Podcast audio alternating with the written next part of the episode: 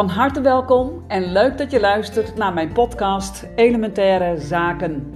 De podcast waarin je essentiële tips krijgt over elementaire levenszaken vanuit de vijf elementen filosofie en de traditionele Chinese geneeskunde.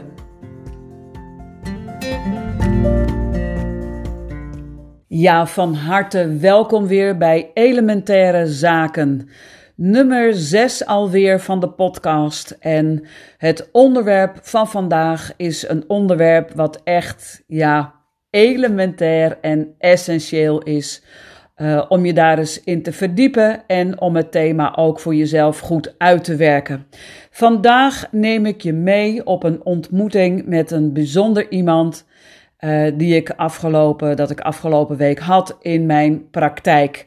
De thema's waar deze persoon uh, mee worstelde, die zijn zo veel voorkomend dat ik dacht, hier moet ik een keer een podcast over maken, want uh, zij is niet de enige persoon die met deze thema's worstelt. De thema's namelijk die aan de hand zijn, zijn het volgende verbinding, hè, dus in verbinding zijn met jezelf en het uiten van je gevoelens en je emoties. Dat is één thema. En het andere thema wat daarmee verbonden is, tegelijkertijd ook als luisteraar, dat je de ander de gelegenheid geeft om um, gevoelens en emoties te mogen uiten. Um, Waar moet ik beginnen? Ik moet even een goed haakje vinden. Ja, laat ik maar gewoon beginnen bij hoe het, hoe het verlopen is met deze bijzondere persoon met wie ik nu aan het werk ben.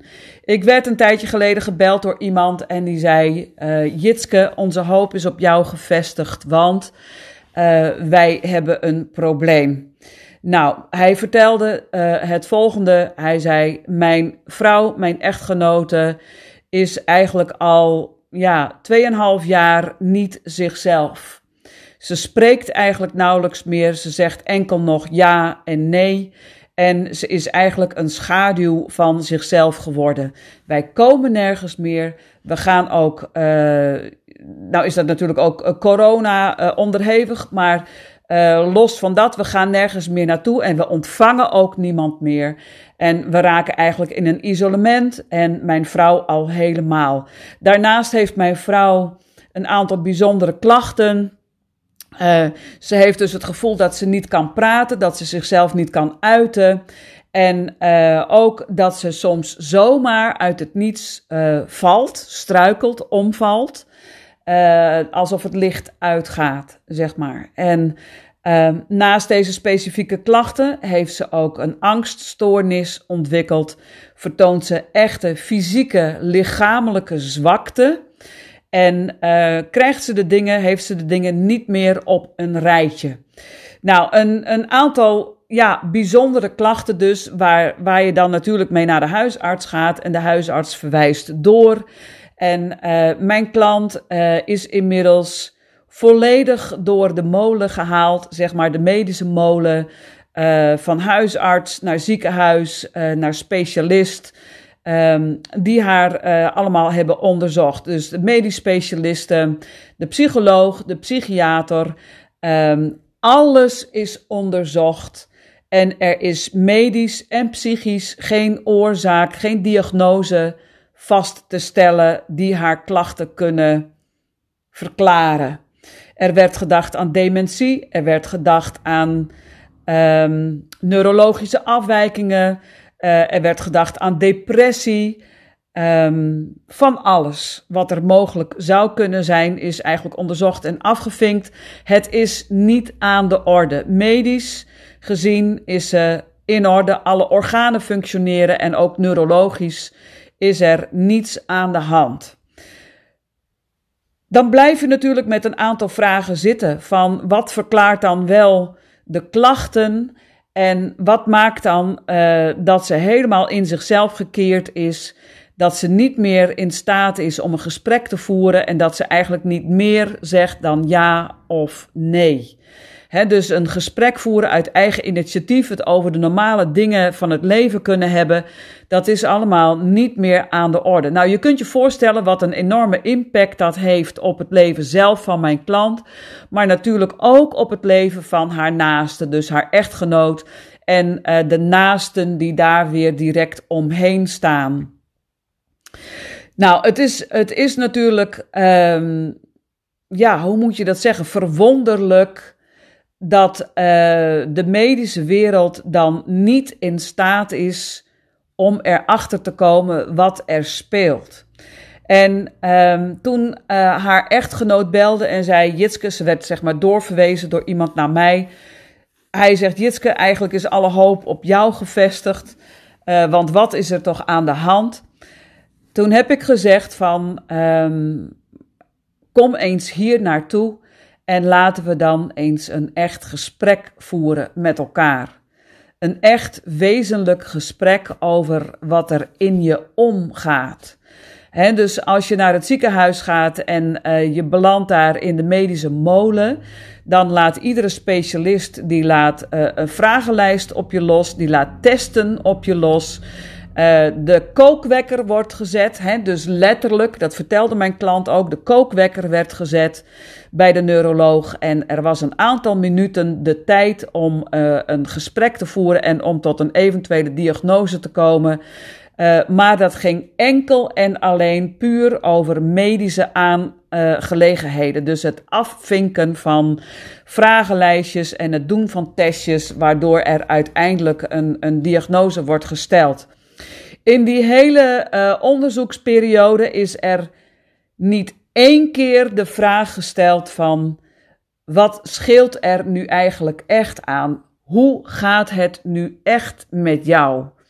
En ja, dat klinkt misschien heel vreemd en toch is dit wat er heel veel gebeurt. Dus ik krijg heel veel mensen in mijn praktijk die uh, medisch en psychisch gezien niets mankeren. En die ook, net als deze klant waar ik nu mee aan het werken ben, helemaal, die door, helemaal dus door de, door de mangel zijn gehaald, als het ware. Van binnen, uh, binnenste buiten zijn gekeerd. Allerlei vragen hebben ze moeten beantwoorden.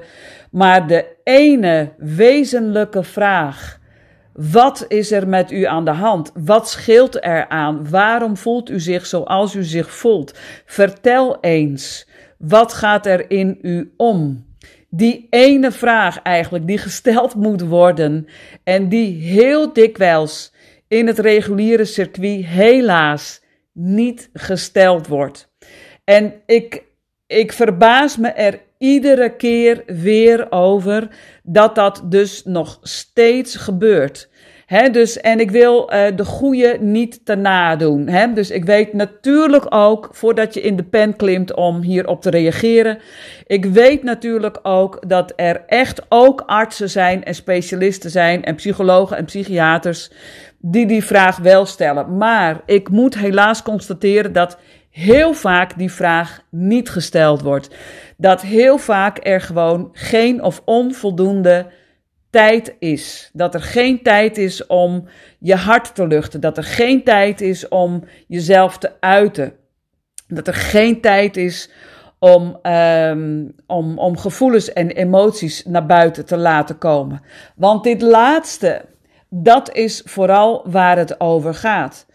Iedereen, niemand uitgezonderd, maakt van alles mee in zijn of haar leven. Niemand is vrijgewaard van pijn, van ongemak, van verdriet, van boosheid, van uh, negatieve gebeurtenissen, van traumatische gebeurtenissen, van, van levensgebeurtenissen met impact.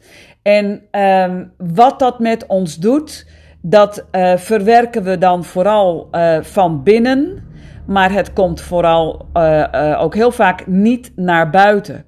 En afhankelijk van hoe jij als mens een beetje in elkaar zit, uh, zul je dat van binnen allemaal opsluiten en wel of niet verwerken. Je hebt natuurlijk ook mensen, dat zijn flap uiten, die zijn expressief, die die uiten zichzelf, die, die vertellen over wat ze meemaken en op die manier verwerken ze ook wat ze meemaken. Maar er zijn ook mensen dat, die zijn introvert en die, hebben door wat voor reden dan ook, of van nature, doordat ze nu eenmaal zo ook zijn, wat meer, uh, nooit geleerd om zichzelf te uiten uh, en komen niet tot expressie. Nou, mijn klant die hier van de week was en waarvoor ik dus eigenlijk een beetje werd gewaarschuwd van ja, in de medische wereld zijn we eigenlijk uitonderzocht. Hè? We weten gewoon niet wat er aan de hand is met deze mevrouw, want alles is psychisch en medisch gezien uh, in orde. We kunnen geen afwijkingen vinden. Bloedwaarden zijn ook oké. Um, nou, we, kunnen gewoon niks vinden. Nou, als dat, het, als dat de status is, dan ben je dus in het medische circuit ben je klaar. Dan sturen ze je naar huis. En dan, uh, dan zeggen ze natuurlijk, ja, het zit tussen je oren. En dat is natuurlijk ook heel vaak zo. Het zit tussen je oren. Er is psychisch iets aan de hand, psychisch, emotioneel. Uh, mentaal gezien is er iets aan de hand. Alleen dat is iets wat zo uh, onderdrukt is vaak, dat je niet meer bewust bent van wat dat dan is. En um, wat, ik, wat ik moest constateren is dat uh, toen, toen mijn klant binnenkwam bij mij, um, dat we eigenlijk, en dat is een positieve constatering, dat we heel snel met elkaar in gesprek waren. En uh, ondanks dus eigenlijk uh, wat er vooraf gezegd was, van ja, ze zegt eigenlijk niet meer dan ja of nee. Nou ja, ja of nee vragen, die kun je natuurlijk omzeilen door open vragen te stellen. Dat is natuurlijk een praktisch dingetje. Hè? Dus daar begin je mee. Uh, als iemand dan komt in de praktijk dan, en ik weet deze voorgeschiedenis, dan is mijn allereerste doel is om verbinding te maken om echte, oprechte verbinding te maken. Dus om alle tijd, alle ruimte en alle aandacht voor mijn klant te hebben, zonder op de klok te kijken. En um, de vraag te stellen van, goh, wat speelt er van binnen? Wat, wat scheelt er aan? Wil je dat met me delen?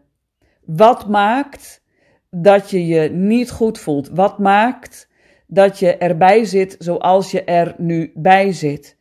En dan eh, geef je de, de oprechte gelegenheid aan je klant om uh, zich te kunnen uiten, om te kunnen spreken, om het hart te kunnen luchten, zonder oordeel, zonder meteen met adviezen te komen, zonder meteen met tips te komen, maar je schept een volledige, aandachtige ruimte waarin iets mag ontstaan. En datgene wat mag ontstaan is inherent aan hoe je in die verbinding staat of niet. Dus mezelf al voornemen om in een open verbinding te gaan en om zonder oordeel te luisteren en mijn klant de volledige ruimte te bieden om te kunnen spreken, om het hart te kunnen luchten, dat maakt al dat er spanning wegvloeit. Dat, dat je voelt als klant van oké, ik mag mijn hart hier luchten. Het is veilig. Ik mag alles op tafel leggen wat, wat eruit wil. En er ontstond al heel snel een heel mooi gesprek. En voor het eerst in jaren um, kwam het verhaal boven tafel waar het echt om ging. En ik ga niet in details treden in verband met privacy en herkenbaarheid over waar dat dan over ging. Maar ik kan wel zeggen dat het ging om een ruzie, om oneenigheid, om een breuk en om het niet uiten van de gevoelens omtrent die thema's. En als gevoelens niet geuit worden, als emoties niet geuit worden, uh, dan zit je daar dus van binnen mee. En hoe meer je daar van binnen mee op slot uh, zit en het niet uit, des te moeilijker het wordt om jezelf uiteindelijk te uiten. Je raakt het contact met jezelf volledig kwijt. We zeggen natuurlijk niet voor niks dat expressie het tegenovergestelde is van depressie. Dus langdurig je gevoelens en emoties niet uiten en inslikken, als het ware opeten, maakt dat je gevoelens onderdrukt worden, maar dat ze tegelijkertijd enorme ruimte innemen, spanning, interne spanning bij jou veroorzaken. En uh, dat er zowel anatomisch, lichamelijk, fysiologisch van alles in je lichaam fout gaat. Onverklaarbare um, uh, symptomen gaan er ontstaan. Bijvoorbeeld door uh, zomaar te struikelen, zomaar te vallen. Zonder dat er dus neurologische afwijkingen zijn. Dan kun je dus zeggen van wat is er in hemelsnaam dan aan de gang? Nou, we weten vanuit de, de traditionele Chinese geneeskunde dat, um, dan wordt het even een klein stukje theoretisch hier, maar dan begrijp je het misschien voor jezelf ook wat beter hoe zoiets ontstaat. Is dat uh, jezelf uiten, je gevoelens uiten, um, je emoties uiten. Daarmee geef je ruimte aan wat er leeft in jouw hart. En als je je hart lucht, dan blijft het open. Dan blijft het vrij van spanning. Uh, dan wordt je ziel, je geest verlicht, als het ware. Hè? Dus je laat je mentale, emotionele ballast los door het te uiten. En dan kan je energie blijven stromen. Op het moment dat daar een, een blokkade ontstaat, dat daar een rem op komt, om het maar zo te noemen. Dus uh, je slikt je woorden in, je onderdrukt je emoties, je onderdrukt je gevoelens. Wat gebeurt er dan? Je, je slikt je woorden in. He, dus um, alles wat gezegd wil worden, aan wat, wat van binnen beleefd wordt, aan gevoelens en emoties, dat blijft opgesloten van binnen. En dat van binnen opgesloten zijn, dat geeft een enorme inwendige spanning en druk. En dat veroorzaakt neurologische reacties. Niet per se direct afwijkingen, maar wel reacties die we eigenlijk medisch niet kunnen verklaren. Je zou kunnen zeggen van het lichaam zorgt ervoor, of de geest, het is maar hoe je benoemt, dat het licht af en toe even uitgaat om je te beschermen. Hè? Dus om je te beschermen dat het uh, helemaal fout gaat. Om je eigenlijk te waarschuwen van. Let op, let op, let op, er is iets aan de hand. Het is essentieel, het is elementair belangrijk dat je jezelf leert uiten, dat je je hart gaat leren luchten. Want als je dat niet doet, dan gaat het dus falikant mis op de lange termijn. We zien dan op de lange termijn depressies ontstaan, geslotenheid ontstaan, we zien isolement ontstaan. We zien dat mensen helemaal uit verbinding gaan met zichzelf, maar ook met de buitenwereld, met de naasten, met de familie, met de vrienden. En dat er daarnaast dus ook nog eens allerlei lichamelijke onverklaarbare reacties optreden. He, dus uh, struikelen, vallen, niet meer kunnen praten, terwijl er neurologisch uh, niets aan de hand is. En met niet meer kunnen praten bedoel ik, je bent fysiek nog wel in staat om gewoon te spreken, maar met niet meer, niet meer kunnen praten bedoel ik je niet, jezelf helemaal niet meer kunnen uiten. De woorden letterlijk niet meer kunnen vinden. Mijn klant zei, letterlijk de volgende woorden. Ik heb veel gesproken in mijn leven, maar nooit iets gezegd. Laat dat eens op je inwerken. Ik heb veel gesproken in mijn leven, maar ik heb nooit iets gezegd. En in de traditionele Chinese geneeskunde is dit, dit wat zij zelf letterlijk benoemt, een heel specifiek kenmerk of symptoom van wat we dan in de Chinese geneeskunde noemen leegte in het hart.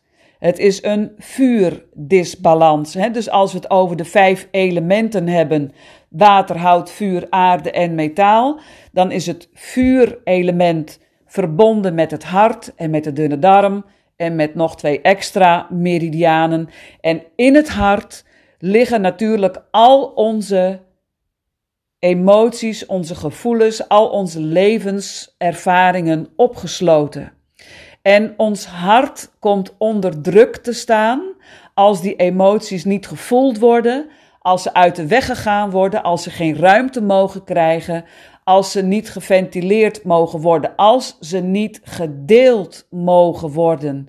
Dus als er geen woorden ook aangegeven mogen worden. Hè? Dus jezelf uiten, tot expressie komen, of dat nou in woord, in daad of in gevoel is, dat maakt niet zoveel uit. Maar als er geen expressie plaatsvindt, dan uh, raakt de energie van het hart verstoord.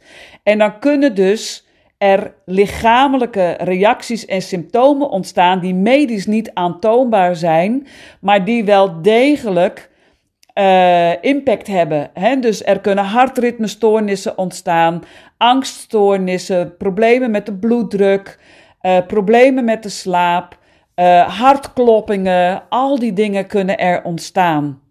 En wat natuurlijk in dit geval heel wezenlijk was, het niet meer kunnen vinden van de woorden. Als iemand bij mij in de praktijk komt, dan let ik op van alles. Dus ik let niet alleen op wat iemand zegt, dus de woorden die iemand gebruikt, maar ik let vooral nog veel meer op wat iemand niet zegt. Dus de onuitgesproken signalen tussen de gesproken woorden in, die zijn vaak nog veel veelzeggender dan datgene wat gezegd wordt. En dat is iets wat we alleen maar kunnen opmerken als we oprechte aandacht hebben, als we echt luisteren, als we zien met ons derde oog, als het ware, als we ons oordeel weglaten en als we het willen weten weglaten en als we oprechte aandacht hebben voor datgene wat gezegd wil worden, voor datgene wat gevoeld wil worden, als we echt oprecht de gelegenheid geven aan de persoon om zich te kunnen uiten, op wat voor manier dan ook. En toen deze uh, klant bij mij van de week was en eigenlijk zichzelf binnen een kwartier, twintig minuten ging uiten, dan kun je zeggen wat een wonder is dat, want ze is in het hele medische circuit onderzocht en daar is het niet gebeurd. En dan zeg ik nee, het is geen wonder. Het is slechts ruimte bieden aan. Het is oprecht de gelegenheid bieden om jezelf te uiten. Het is de vraag stellen aan de ander: hoe gaat het nu echt met jou? En je kunt veel woorden gebruiken, maar zeg nu eens echt waar het over gaat. En toen ik die vraag stelde, toen zei ze, ze moest lachen en huilen tegelijk. Ze zei: Jij bent de eerste in in bijna drie jaar tijd die dit aan mij vraagt. Hoe gaat het nu echt met je? En eigenlijk nadat ik die vraag gesteld had, dan zie je wat er dan gaat gebeuren. Dan komt er een opening. Dan gaat de rem er als het ware af. Hè? Dus er gaat een, een soort rem van de onderdrukking af. En dan mag datgene wat van binnen opgesloten zat, dat komt er dan uit. En dan komen tranen en emoties, gevoelens, woede, onmacht, frustratie, alles komt er dan in één keer uit. Alles wat opgesloten heeft gezeten, alles wat onderdrukt is geweest, dat wil zich dan in één keer eigenlijk, uh, ja, komt tot een ontlading.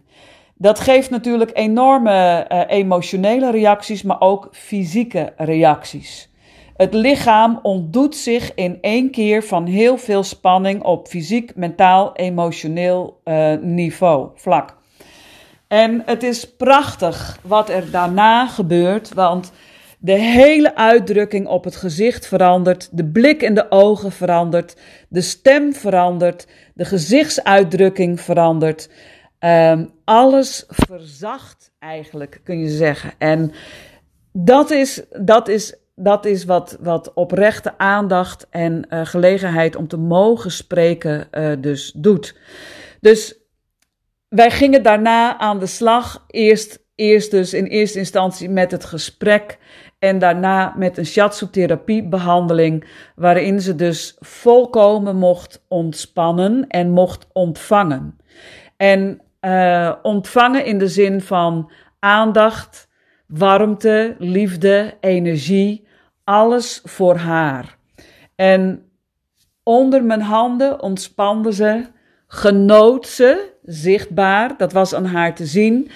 dus ik let tijdens de behandeling op de gelaatsuitdrukking, op de ademhaling, op de houding van het lichaam. Wat gebeurt er allemaal tijdens een behandeling? En dat is wonderbaarlijk wat er gebeurt als er een opening dus uh, ontstaat. En wat is de moraal van mijn verhaal? Nou, ik hoop dat die al duidelijk mag zijn.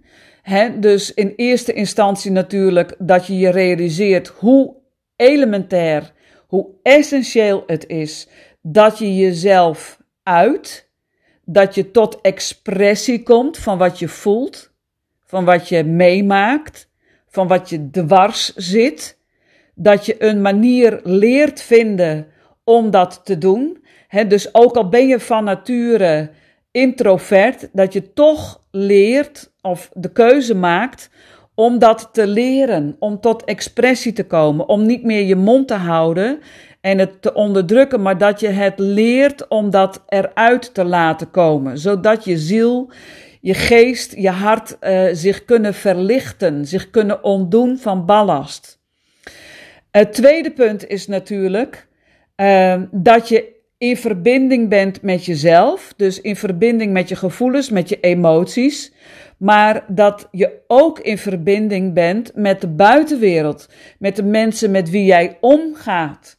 En dat je um, oog en oor hebt voor de medemens, voor je naaste, voor je familie, voor je partner misschien wel, of je kinderen, je ouders, je vrienden, mensen die belangrijk voor je zijn. Maar ook heel vaak voor mensen die wat verder van je afstaan. Misschien een collega, of een buurman, of een buurvrouw, of het maakt niet uit. Heel vaak wordt ons de vraag gesteld: hoe gaat het met je?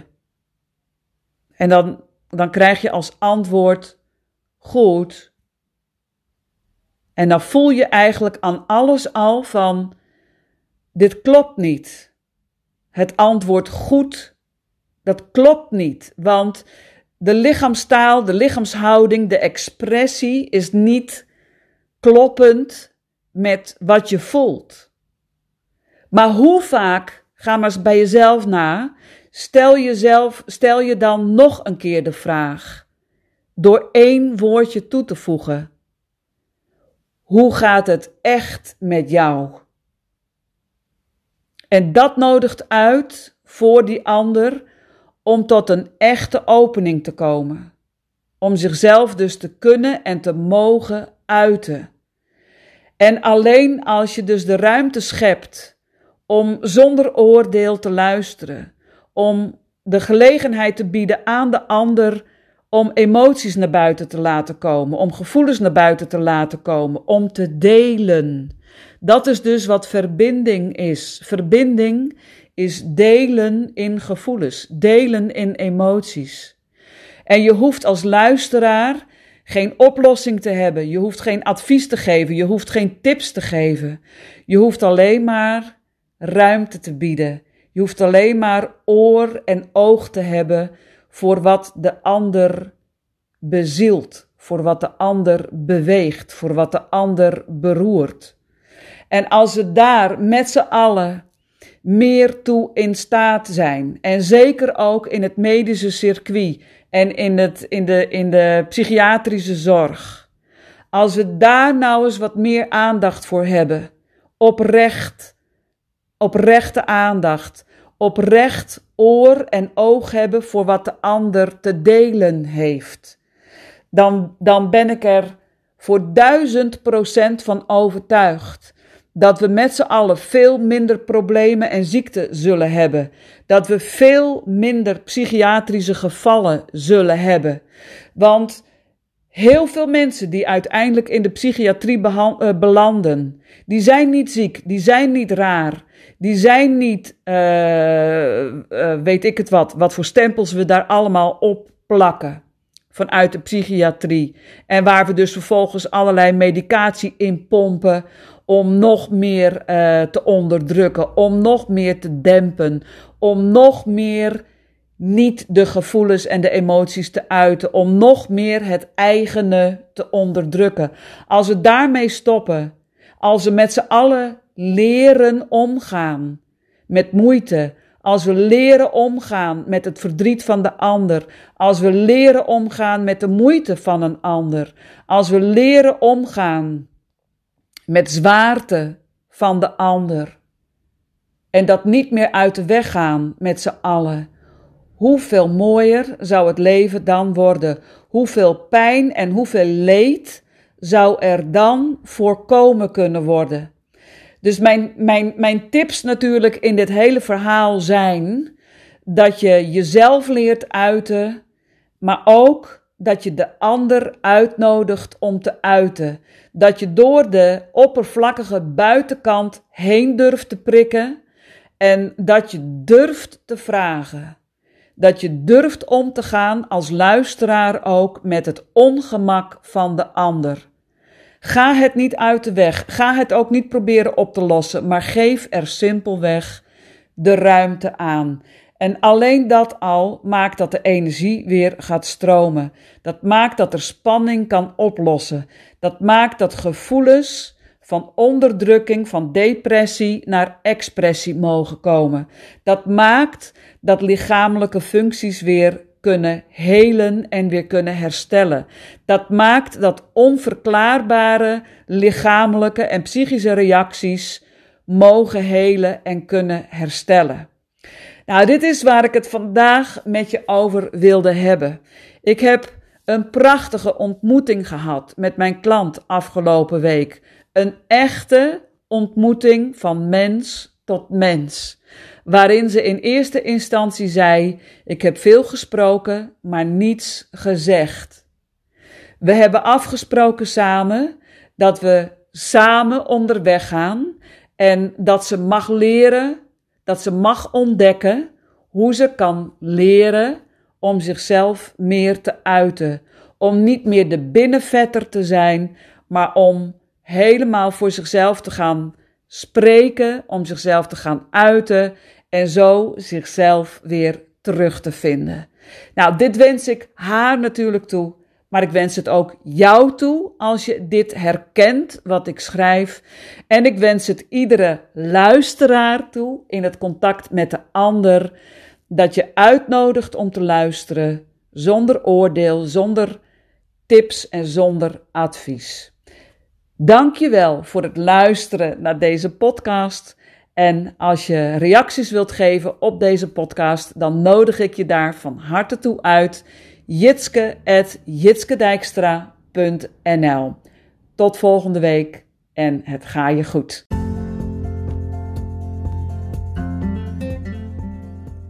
Dankjewel voor het luisteren naar de podcast Elementaire Zaken. Als jij vragen hebt over de inhoud van deze podcast dan kun je e-mailen met mij op jitske.jitskedijkstra.nl.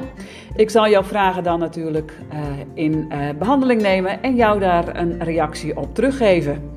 Als ik jou enthousiast heb gemaakt met mijn podcast, zou je dan voor mij een review willen achterlaten hier op iTunes of op um, Spotify? Je kunt dat doen door een aantal sterren aan te klikken en of ook een regeltje tekst erbij te typen. Alvast van harte dank daarvoor. Tot slot, dank voor het luisteren en heel graag tot de volgende podcast. Dag!